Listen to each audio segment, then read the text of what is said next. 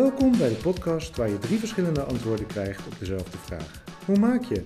Oftewel, hoe gaat het met je? Hoe doe je wat je doet? En hoe ben je succesvol en gelukkig geworden in wat je doet? In deze aflevering Roek Lips, journalist, schrijver, mentor, spreker, adviseur, bestuurder en film- en theatermaker. Hoogste tijd om hem aan het woord te laten. Goedemorgen Roek, hoe maak je het? Ja, goedemorgen. Uh, hoe, hoe, gaat het? Uh, ja, dat is een vraag die kan je natuurlijk op zo ongelooflijk veel manieren beantwoorden. En ik moet zeggen, ik heb een, een tijd in het verleden heb ik wel moeite gehad met die vraag. Als mensen dan hè, de vraag stelden van hoe gaat het met je? En je dan eigenlijk voelde, mensen zijn niet wezenlijk geïnteresseerd. Nog erger is als mensen zeggen alles goed en dan vooral doorpraten. en inmiddels vind ik het een hele mooie vraag. Hè? Hoe gaat het met je? En dan dat mensen ook echt willen weten hoe het, hoe het met je gaat. En de manier waarop jij de vraag stelt, denk ik dat je het wel wil weten. Uh, ik, uh, ik, ik, ik, leef wel in een, in een mooie tijd van mijn leven op het ogenblik. In de, in de zin dat uh, het blijft altijd zoeken naar balans. En dat blijf ik een enorme uitdaging vinden in het leven. Daar kan ik misschien zometeen nog wel wat meer over vertellen. Uh, en voor mij heeft een dag eigenlijk altijd een beetje te weinig uren. Uh, en tegelijkertijd wil ik helemaal niet leven als iemand die uh, de hele tijd het druk heeft. En dat, ja, dat verhoudt zich soms niet zo makkelijk tot elkaar, om daar dan dus de goede balans in te vinden voor jezelf. En op dit moment is het zo dat er veel op me afkomt. Uh, vanwege een, een, boek wat afgelopen jaar verschenen is, uh, ja, zijn er heel veel aanvragen om uh, daarover te komen vertellen, om eh, met mensen daarover in gesprek te gaan. en ik wil ook weer aan een nieuw boek werken. En, dus dat, nou ja, dan komt er veel op je af en dat vraagt ook veel tijd. En dan is het heel erg zoeken van hoe je daar dan voor jezelf de goede keuzes in maakt. Dat vraagt om afgrenzen. En dat lukt me de ene dag beter dan de andere dag. Uh, vandaag heb ik een vrij drukke dag. En als je dan dus nu vraagt hoe gaat het met je, uh, dan vind ik eigenlijk dat ik weer mijn dag te vol heb uh, laten plannen. en dat doe ik zelf. Hè? Want ik kan, het heeft helemaal geen zin om anderen daar de schuld van te geven. Dat doe ik zelf. En wat me dan vaak overkomt, is dat ik een twee weken daarvoor denk oh, dat past allemaal wel en dat kan allemaal wel en dat, nou, dat gaan we allemaal maar doen. En op het moment dat het zover is, dus op de dag zelf, dan denk ik van, doe ik het weer. Heb ik weer geen nee kunnen zeggen tegen dingen waarvan, ook hoe leuk ze ook zijn, het toch verstandig was geweest om even te zeggen van, nou misschien moet je dat niet ook nog doen op diezelfde dag. Maar goed, dat is uh, ook natuurlijk een enorm luxe probleem. En dat realiseer ik me ook, dat je op die manier ja, over je dagindeling uh, kan spreken. En uh, wat dat betreft gaat het dus heel goed met me. ben ik voor mijn gevoel mooie dingen aan het doen. komt er ook veel op me af. En ja, dat vraagt om steeds weer opnieuw daarin heldere keuzes te maken. En ik denk, waarom ik nu kan zeggen dat het goed met me gaat, is dat ik het wel steeds beter geleerd heb om die keuzes te maken. En uh, dat is misschien ook wel het voordeel van op een gegeven moment wat ouder worden. Uh, dat, uh, ja, vroeger waren de verleidingen waren zo talrijk de hele tijd om je heen. En achteraf denk ik wel eens, ja, je zei overal maar ja op. En dan achteraf kwam je vaak tot de conclusie, ja, misschien was het helemaal niet zo verstandig. En was het helemaal niet de bedoeling voor mij om daar deel aan te nemen of daar een bijdrage aan te leveren. En ik denk dat ik, even los van het vinden van die balans, want dat blijf ik, lastig vinden, maar wel beter in staat ben vandaag de dag om een afweging voor mezelf te maken. Uh, past dit bij me? En klopt dit ook met wat ik op dit moment te doen heb? En dat is best een lastige vraag, hè, om die goed voor jezelf te kunnen beantwoorden. En dat heb ik ook moeten leren met vallen en opstaan. Ik had vroeger een heel ander bestaan. Ik had vroeger een bestaan uh, waar ik ja, betrokken was bij het bestuur van de publieke omroep. Een uh, managementassistent of een secretaresse die de, hele agenda voor je volgepland uh, had. En ja, dan kon je tegen die secretaresse zeggen van, uh, zorg dat er een beetje ruimte nog blijft. Maar voor de rest was alles geregeld en alles liep altijd door. En daarna, toen ik daarmee gestopt ben, een aantal jaren geleden, en na sabbatical een veel meer zelfstandig bestaan ben gaan opbouwen, als een zelfstandig ondernemer, zou je kunnen zeggen. Ja, dan is de sky the limit. En dan kan je overal kan je ja op zeggen. En dat is en heel leuk en dynamisch, maar dan merk je ook op een gegeven moment van, ja, er zijn heel veel dingen waar je ja op zegt, waar je achteraf dus vanaf gaat vragen van, had ik dat wel moeten doen? En dat bedoel ik met vallen en opstaan. Ik heb uh, veel mooie dingen mogen doen sinds die tijd dat ik uh, als zelfstandig ondernemer uh, aan de slag ben gegaan. En ook heb moeten leren hoe belangrijk het is om daarin ook voor jezelf af te grenzen. En de vraag aan jezelf steeds weer te stellen: klopt dit met wat ik op dit moment in deze fase van mijn leven heb te doen? Maar hoe maak je het? Hoe doe je wat je doet? Ja, hoe doe je wat je doet? Dat heeft voor mij eigenlijk een, een behoorlijk, ja, voor iedereen, maar ook voor mij een best een, lange geschiedenis. Als ik heel erg terugga naar uh, toen ik uh, opgroeide als kind, was ik eigenlijk voorbestemd voor mijn idee, het idee van mijn ouders ook, om uh, naar het conservatorium te gaan. En ik studeerde elke dag, ik stond elke dag vroeg op, zeker voor zes uur. En dan was ik druk aan het studeren om me maar te bekwamen op de piano en het orgel. Het orgel was, was ook onderdeel van, van die studie. En uiteindelijk kwam het moment daar dat ik toelatingsexamen mocht doen op het conservatorium in Utrecht. En er zat een toelatingscommissie keurig achter een tafeltje en ik ben achter op dat moment de vleugel gaan zitten. En ik ben gaan spelen en in eerste instantie speelde ik een keurig een stuk van Johann Sebastian Bach. En later ben ik overgestapt op een improvisatie op dat werk. En op dat moment, toen ik overstapte op die improvisatie, na drie maten werd er op de tafel geklopt. En zei iemand van de toelatingscommissie, die zei, dat staat er niet. En ik schrok een beetje van die opmerking en ik zei in een mijn onzekerheid van dat klopt, het is een eigen improvisatie.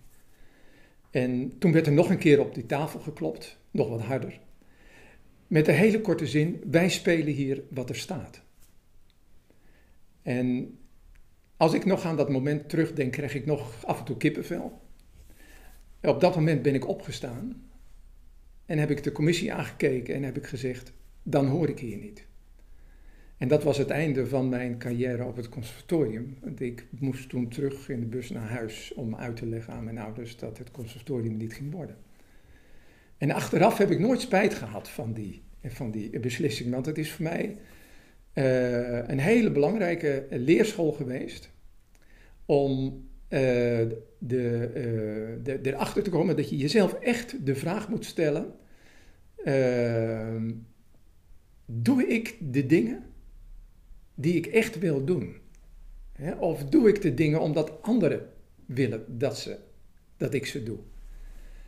En op het moment dat het laatste het geval is, is mijn ervaring, dan heb je veel minder energie.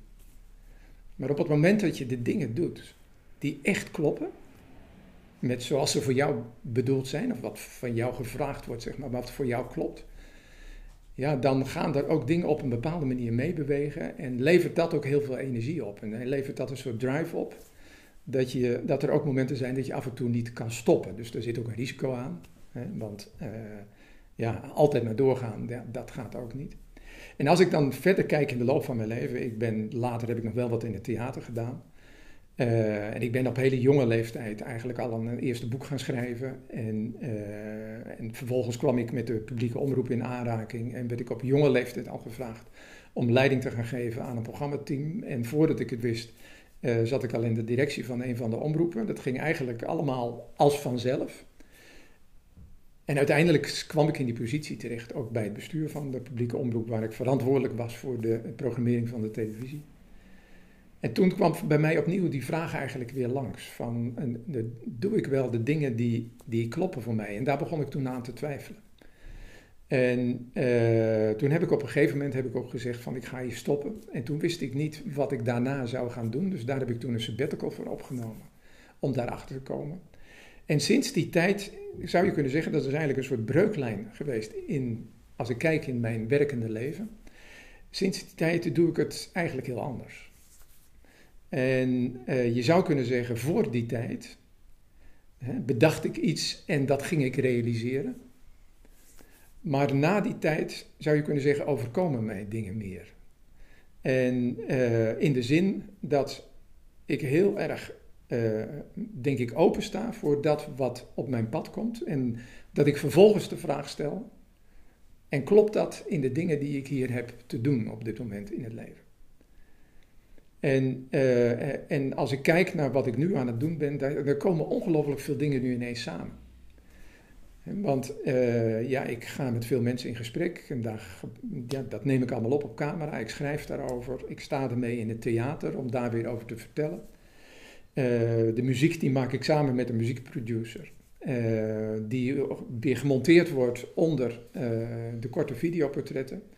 En als ik nu terugkijk, dan komt eigenlijk alles wat ik in mijn leven heb opgebouwd. En waar ik mee heb gewerkt en waar ik aan heb gewerkt ja, kan ik nu in dit project op de een of andere manier kwijt. En dat levert mij dan vervolgens ook zoveel energie op. Dat, uh, ja, dat het heel fijn is om op die manier te kunnen werken. Maar het ook voor je te kunnen laten werken. Dus niet dat het allemaal uh, uh, door mij bedacht hoeft te worden of wat dan ook. maar er is een prachtige zin en dat, die, die komt uit van Dag Hammarskjöld en die heeft ooit gezegd: kies jij de weg die jou gekozen heeft.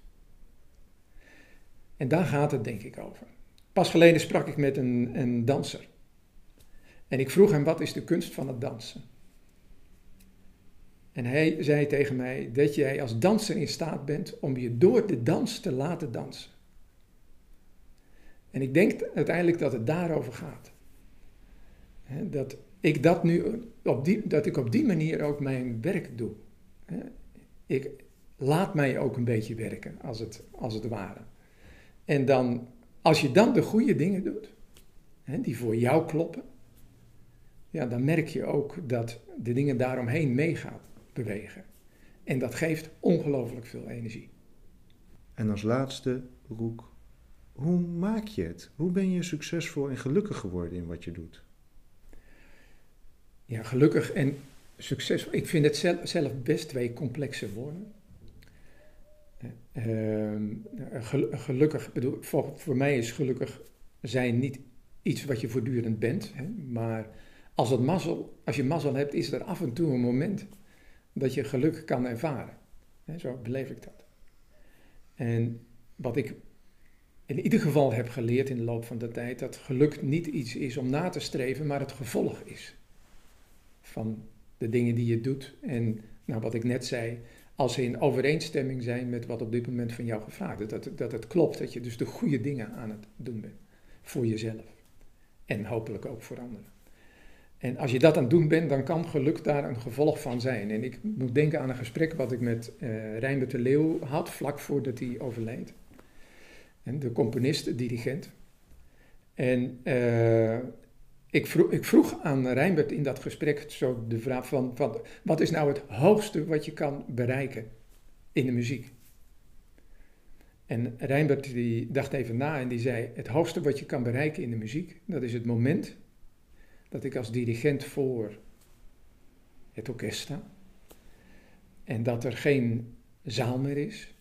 En dat er geen partituur meer is. En dat er geen orkest meer is. En dat er geen ego meer is. En dat er alleen maar muziek is. Hij zegt, dat is voor mij het hoogste wat je kan bereiken. En hij heeft het over een soort, hij beschrijft een soort eenheidservaring. Dat je helemaal samenvalt met datgene wat je doet. En ik denk dat die beschrijving heel erg dicht komt bij, bij wat echt geluk is. Dat we eh, eigenlijk onszelf een beetje vergeten op dat moment. En dat is, dat heb ik ook van, ook, hij vertelde dat ook mooi, dat, dat is een gevolg van iets. En, want ik vroeg toen ook aan Rijnbert van, eh, hoe kan je dat leren? En, eh, en hij zei tegen mij, hij zegt, ik weet niet of je dat kan leren. Hij zegt, ik weet wel hoe ik het heb geleerd. En hij vertelde toen, en daar, dat ja, resoneerde bij mij enorm, hij zegt, toen ik naar het conservatorium ging, Toen ging ik naar het conservatorium met het idee dat ik een heel groot componist ging worden. En toen zat ik op het conservatorium met het idee dat ik een heel groot componist aan het worden was. Hij zegt, en toen kwam ik van het conservatorium af met het idee dat ik een heel groot componist was. En toen begon ik te componeren. En toen kwam er het moment dat ik in de echt grote componisten mij meerdere moest erkennen. En toen ben ik gestopt met componeren. En ik zei direct tegen hem, ik zeg, is dat een reden om te stoppen met componeren? Hij zegt, voor mij wel. Hij zegt, maar ik heb toen wel leren dirigeren. Hij zegt, van pas op dat moment realiseerde ik me dat in dat orkest allemaal jongens en meisjes zitten. Die naar het conservatorium zijn gegaan met het idee van ik ga een heel groot muzikant worden. En daar zit je op de zestiende plek van de violist. En je bepaalt niet wat je speelt. Je bepaalt niet hoe je het speelt. Je bepaalt misschien alleen dat je speelt. En pas toen ik me dat realiseerde, heb ik leren dirigeren. En heb ik geleerd om af en toe die momenten te bereiken dat alles om me heen wegvalt en alleen die muziek overblijft. En dat is en dat blijft een grote zoektocht. En ik vind dat zo mooi verwoord. En dat is ook zo hoe ik het ervaar. dat, het woord succes heb ik niet zoveel mee. Het, geluk, het woord geluk vind ik wel een prachtig woord, maar het is ook een groot woord. Maar als ik één ding geleerd heb, dat geluks, als, je, als het mee zit, dan zijn die momenten er af en toe. En die bereik je alleen maar als je eerst leert om een buiging te maken. En dat was het alweer voor deze aflevering van Hoe Maak je het? Benieuwd wie mijn volgende gast is? Volg Hoe Maak je het op Instagram of op je favoriete podcastplatform en blijf op de hoogte.